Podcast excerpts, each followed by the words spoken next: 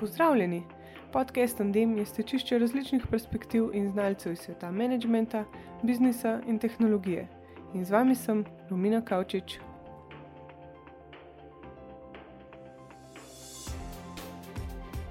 Naj tokratno epizodo začnem s priznanjem. Z gospo Anko Lipušček Miklavič sem želela posneti intervju, odkar sem jo prvi zasledila v medijih. Uspelo mi je lani decembra na sejmu Narava in zdravje, zato se vnaprej upravičujem za slabši zvok. Naj povem tudi to, da terminsko tandema nismo uskladili, zato je gostja samo gospa Anka. In ko sem intervju zaključila, se mi je zdelo edino prav, saj je ljudem s takšno širino potrebno dati prostor, da lahko zasijajo vsej svoje luči. Anka Lipušček Miklavič je leta 2005 postala direktorica mlekarne Planika. Spoštovanjem korenin in gledanjem v prihodnost je mlekarna Planika kmalo postala ena najuspešnejših slovenskih mlekarn. Kljub vsem nagradam in uspehom zavrača lovorike in se raje fokusira na sodelovalen odnos z vsemi, ki so del proizvodne verige. Združuje kmečko pamet in ljubezen do narave, saj se zaveda, da se kvaliteta mlečnih izdelkov začne že pri hranjenju goveda. Pravi, da je življenje cikl, saj se vse obrača in urača. Planiko zato vodi srcem, pošteno, skrbno in odgovorno.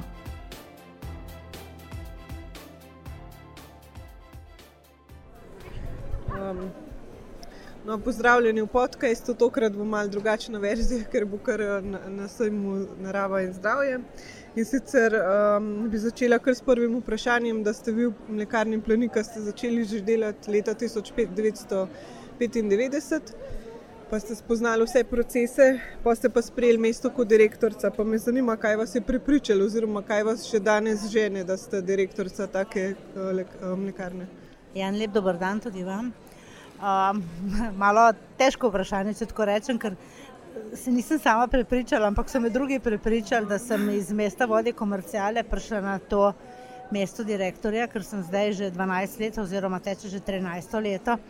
In um, ja, veste, kako tam, mi, mi smo doma v Soški dolini, se pravi v Kobaridu, kjer poznamo en drugega, ker vemo en za drugega, tako za naše kmete, za naše delovce, ker je dolina majhna, malo nas je.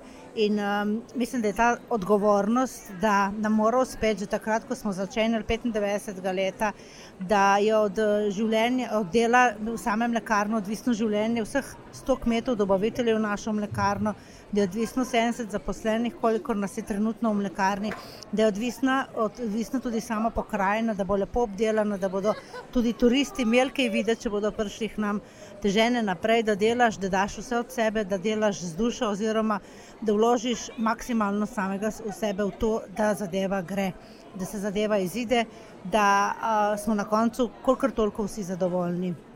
In um, ravno ta soodvisnost, navezanost na to pokrajino, na naše življenje tam v tej dolini, ki ga ne bi zamenjala za nobeno mestno življenje, te pelje iz dneva v dan naprej in te pelje naprej tudi takrat, ko doživiš poraz, ki ga definitivno doživiš v svojem delu, sigurno naletiš na probleme, ampak potem ti pa to zavedanje, da mora uspeti, da daje moč, da staneš, se pobereš in greš naprej.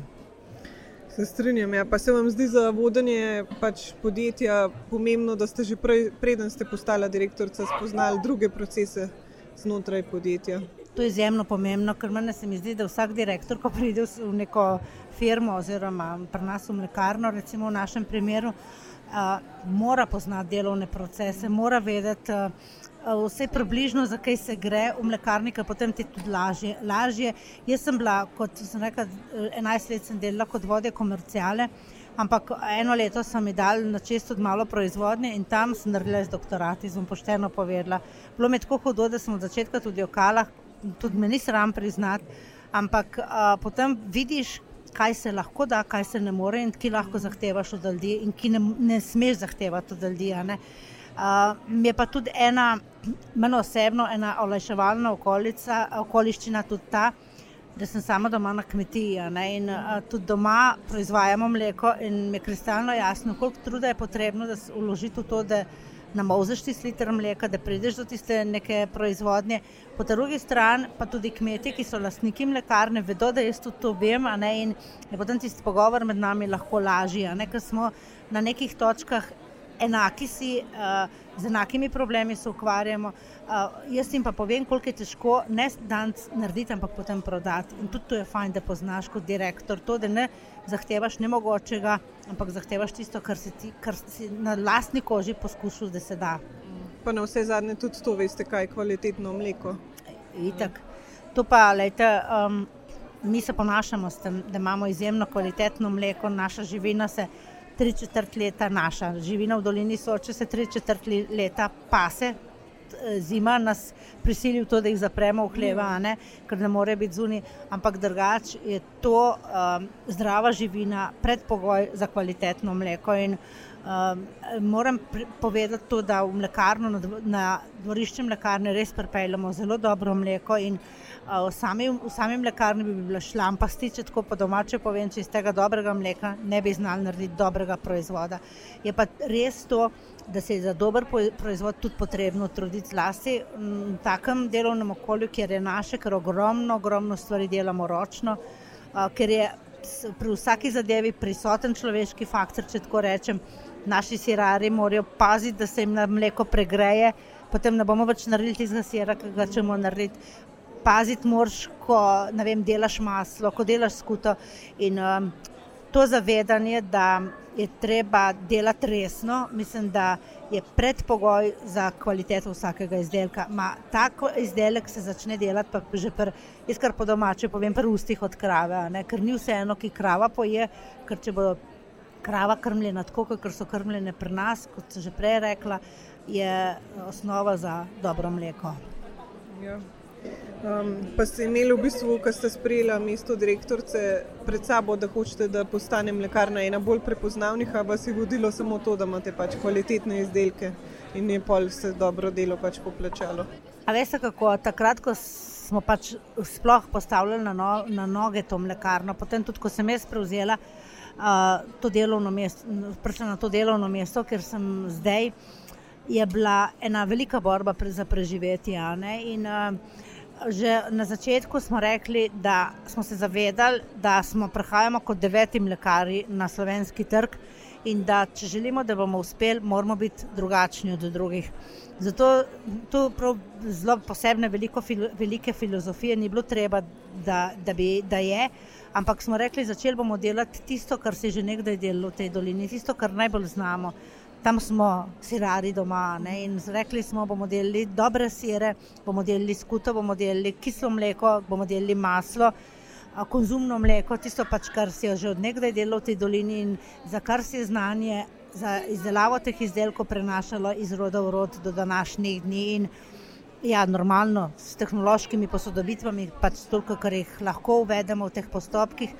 In um, ta želja uspeti dokazati tistim, ki so nam prerokovali res kratek rok trajanja, da se da, če peljemo vsi, če potiskamo voz vsi v isto smer, nas je pripeljala do današnjih dni, oziroma do življenja mlekarne, če tako rečem, zdaj že 23-24 leto, a ne te ta novo ustanovljene mlekarne planika. In um, to zavedanje, kot sem ga že naprej na začetku omenila, da je od našega dela odvisna cela dolina, da nam mora uspeti, da je ta pot, ki je začrtana prava, tlako, da je vsak dan sprotlakujemo, vsi skupaj, ki so ustvarjamo to zgodbo, uh, nas pelje naprej. In, um, ja, mislim, da je to uporaba zdrave kmečke pameti, poslušanje eden drugega, upoštevanje tistega, kar je dobro tudi iz preteklosti, pripeljala do danes, kjer smo. Pa se vam zdi pomembno, da tudi spremljate neke trende v prehranski industriji ali jih sami postavljate? Na itak jih spremljamo, se veste, na trgu si, ne, na trgu je ponudba ogromna. In če ti ne slediš trendom, ki so, ki se uveljavljajo, ki se spremenjajo, ne na zadnje, postaneš okoli, pač zaostaneš, no, če, če, če strnemo s to besedo. In ja, sledimo trendom, zato tudi v planiki recimo delamo sir z vršički z dodanimi vršički iz konoplje, ne, iz konoplje delamo sir z zelišči, razno raznimi zelišči, izpostavila bi zelišče dobro misel, to je zelišče, ki rase v naših planinah. Delamo, ste tudi uh, dobili nagrado? Ja, to smo dobili uh, kot uh, najboljši inovativen izdelek, oziroma na, na tečaju agrobiznisa, prvo nagrado, na kar smo tudi ponosni. In, um, To nas žene naprej, da razmišljamo naprej, da iščemo še nove stvari, ki bi bile zanimive. Ravno zdaj imamo v paci, če tako rečem, spet nekaj novega. In, uh, Ja, sta, veste, če nimaš, če stalno nekaj ne ponujaš, če se stalno nekje nekaj ne pojavljaš, potem pozabijo počasi na tebe. In zato moš pa poskrbeti tudi z novostimi, tudi s temi približevanji, sodobnim trendom, da si zanimiv za potrošnika, ker ne na zadnje. Tista glaven naš je potrošnik, njega je treba prepričati, kupce, vas, vse ostale, da posežejo po naših izdelkih, ker je to tam se šele konča naša pot. Da vidijo, da so res kvalitetni izdelki, oziroma da je že okus popolnoma drugačen od nekih umetnih. Tako, um, jaz um, bom kar povedala, da smo zelo ponosni na to, da v naši mlekarni nimamo EJA, če tako rečem. Se pravi, da če se vam bo naše mleko skisalo ali pa vem, pred rokom, če ga boste vozili v avtu po vem, visoki temperaturi, je to čisto naravno, je to dober znak. In eh, ne dolgo tega, v letošnjem poletju me je na gospa klicala. Je rekla, veste, da se nam je naše, vaše mleko skisalo, ne? pa še ni bilo še v roku. Nekaj let, gospa, jaz vam bom kar pošteno povedala, ko se vam več ne bo skisalo, potem neki šmunglamo v mlekarni, potem nismo več mi. In a, to naravnost poskušamo tudi skozi sodobne trende ohraniti tudi naprej. To je vodilo, to je vizija mlekarne planika in jaz sem prepričana, da je treba to pelati naprej.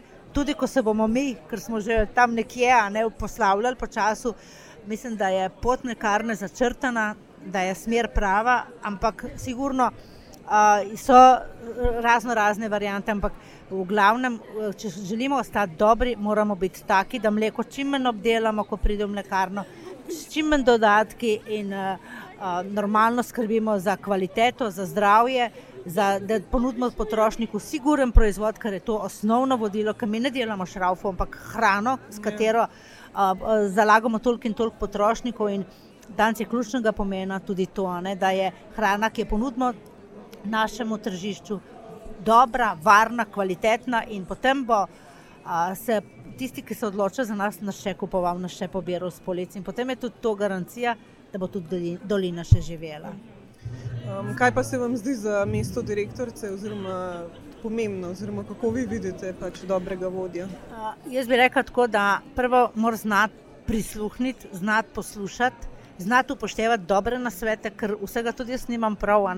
Včasih se znati potegniti tudi nazaj, če tako rečem, in priznati tudi svoje napake. In, uh, sploh uh, ne predstavljam si, kako je v velikih firmah, v velikih podjetjih, pri nas, ker nas je malo. Uh, je prav, da si imaš uh, take človeške odnose do zaposlenih, ker potem ti tudi to vračajo. Uh, in če, če je včasih.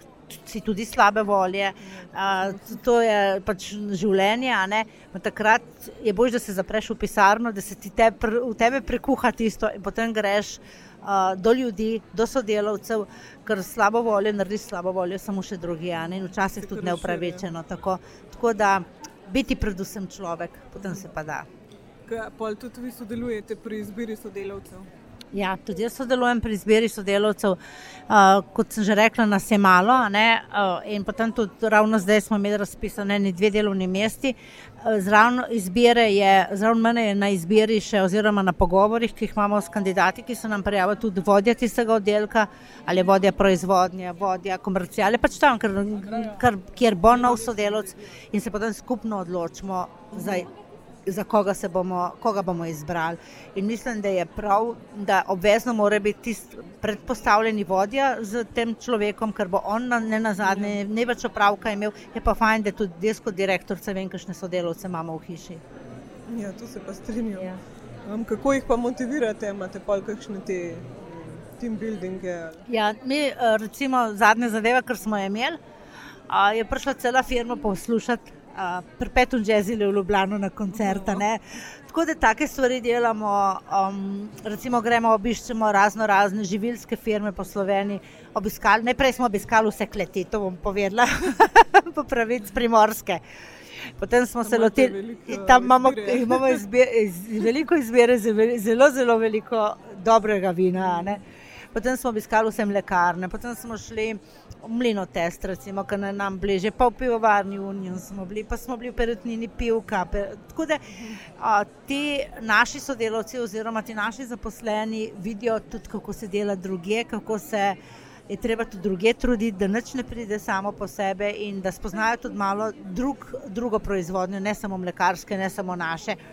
Jaz vedno stojim na stališču, da če stopiš ti na eno mičkano uspetino, boš videl malo daleč. Če greš pa na, pa na višji hrib, se ti pa raz, eh, obzorje razširi, in potem tudi pogledi so lahko drugačni. Kar je najbolj pomembno. Ja. Ja. Kako pa vi širite svoje obzorje, oziroma kje pridobivate dodatna znanja? Eh, udeležujem se kakšnih izobraževanj, kar mislim, da je nujno potrebno, ker um, tudi če človek že toliko let upet v te posle, stalno nekaj novega zveš, stalno nekaj novega slišiš in to je dobro, to je prav, ker potem lahko tudi pri samem vodenju to upoštevaš. Kar se pa tiče mojega relaksiranja, če tako rečem, mojega nabiranja energije, tega pa dobim v hribih. Jaz sem rada grem v naravo, živim z njo in um, me ta, ta, to, popolno, če enostavno rečem, tu se napolnim, svoje baterije spet napolnim. In tudi a, problemi, ki so se v življenjih pač prenašali, ljudje smo zato, da jih rešujemo. So iz vrha dol, z, zelo manjši, če jih gledaš, če si so, če si očesa v oko z njimi. Tako da a, je potem mi tudi lažje, ko je najbolj težko. No. Kakšni so pa vaši načrti za prihodnost? prav velikih ne, nimam več, ker še bliža se mi čas, ko bom se tudi v mlekarni lahko poslovila, par let, če imam do tam. No, sigurno. Imate še dosti izzivov? Ja, sigurno izzivi so vsak dan in z njimi se treba soočati, jih spoprijemati, tudi ki še novega narediti. Potem pa imam že dve vnukini, tako da me no, doma veselje. čaka veselje, no, tako da je pa tisto za popestritev tistega drugega dela mojega življenja. In, uh, kot sem že rekla, doma imamo kmetijo. Uh, rada se ukvarjam tudi sama z odnabiranja zelišč, pa takih stvari, kar jih dobim na planinah, kamor grem večkrat. In tudi so tisti moji hobiji, ki me sproščajo. In računam, da se bom s tem ukvarjala tudi, ko, bom, ko ne bom hodila več v mlekarno, ko bom imela več časa in se bom lahko malo bolj posvetila temu. Tako da, ker zdaj boš pač dušo, tako, da bom imela točno tako, da bo še pa nekaj za mojo dušo. No. Zdaj me pa za konec samo še zanima, kaj bi vi svetovala recimo 20-letnikom, ki se šele podajajo v karierno pot oziroma iščejo neko svojo. Ja, jaz bi rekla, da čim več naj nabirajo znanj, posod, čim bolj naj se odpirajo, čim bolj naj upoštevajo tudi na, dobre nasvete njihovih predhodnikov oziroma njihovih sodelavcev, in predvsem pa poslušajo sami sebe. In a, ko jim bo težko, ko, kot sem že rekla tekom najnega pogovora, ko bodo popadali, ker definitivno padeš, ko, ko, ko delaš, ko naletiš na probleme, morajo zbrati toliko moči, se pobrati in iti naprej in slediti svojemu celju in ne obupati. Ker um, Jaz, ko sem prišel v mlekarno, pojma nisem imel od komercijale. Prihajala sem prav z drugih vod, bom tako rekla, z, slu z druge službe. In imela sem včasih občutek, da sem vržena v en globok bazen in moš presneto mahati, plavati, da splavaš. Če ne, samo dve možnosti imaš, a ti uspe ali pa potoneš in ti ne več. Ja. In to je vdaš, tako. tako. In uh, mislim, da je treba imeti voljo, vzdržati, ustrajati in slediti svojim ciljem, kot si že rekel. No, to so samo super načela. Najlepša hvala za ta pogovor.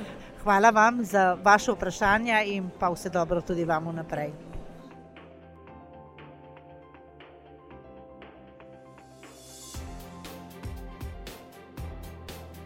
Hvala za poslušanje.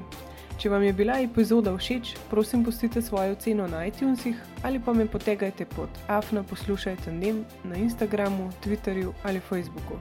Tako bodo za kul vsebino izvedeli še drugi. Če pa imate predlog teme za novo epizodo ali pa gosta, pa mi lahko pošljete e-mail na hej, afna poslušajte dnem.si. Se slišimo!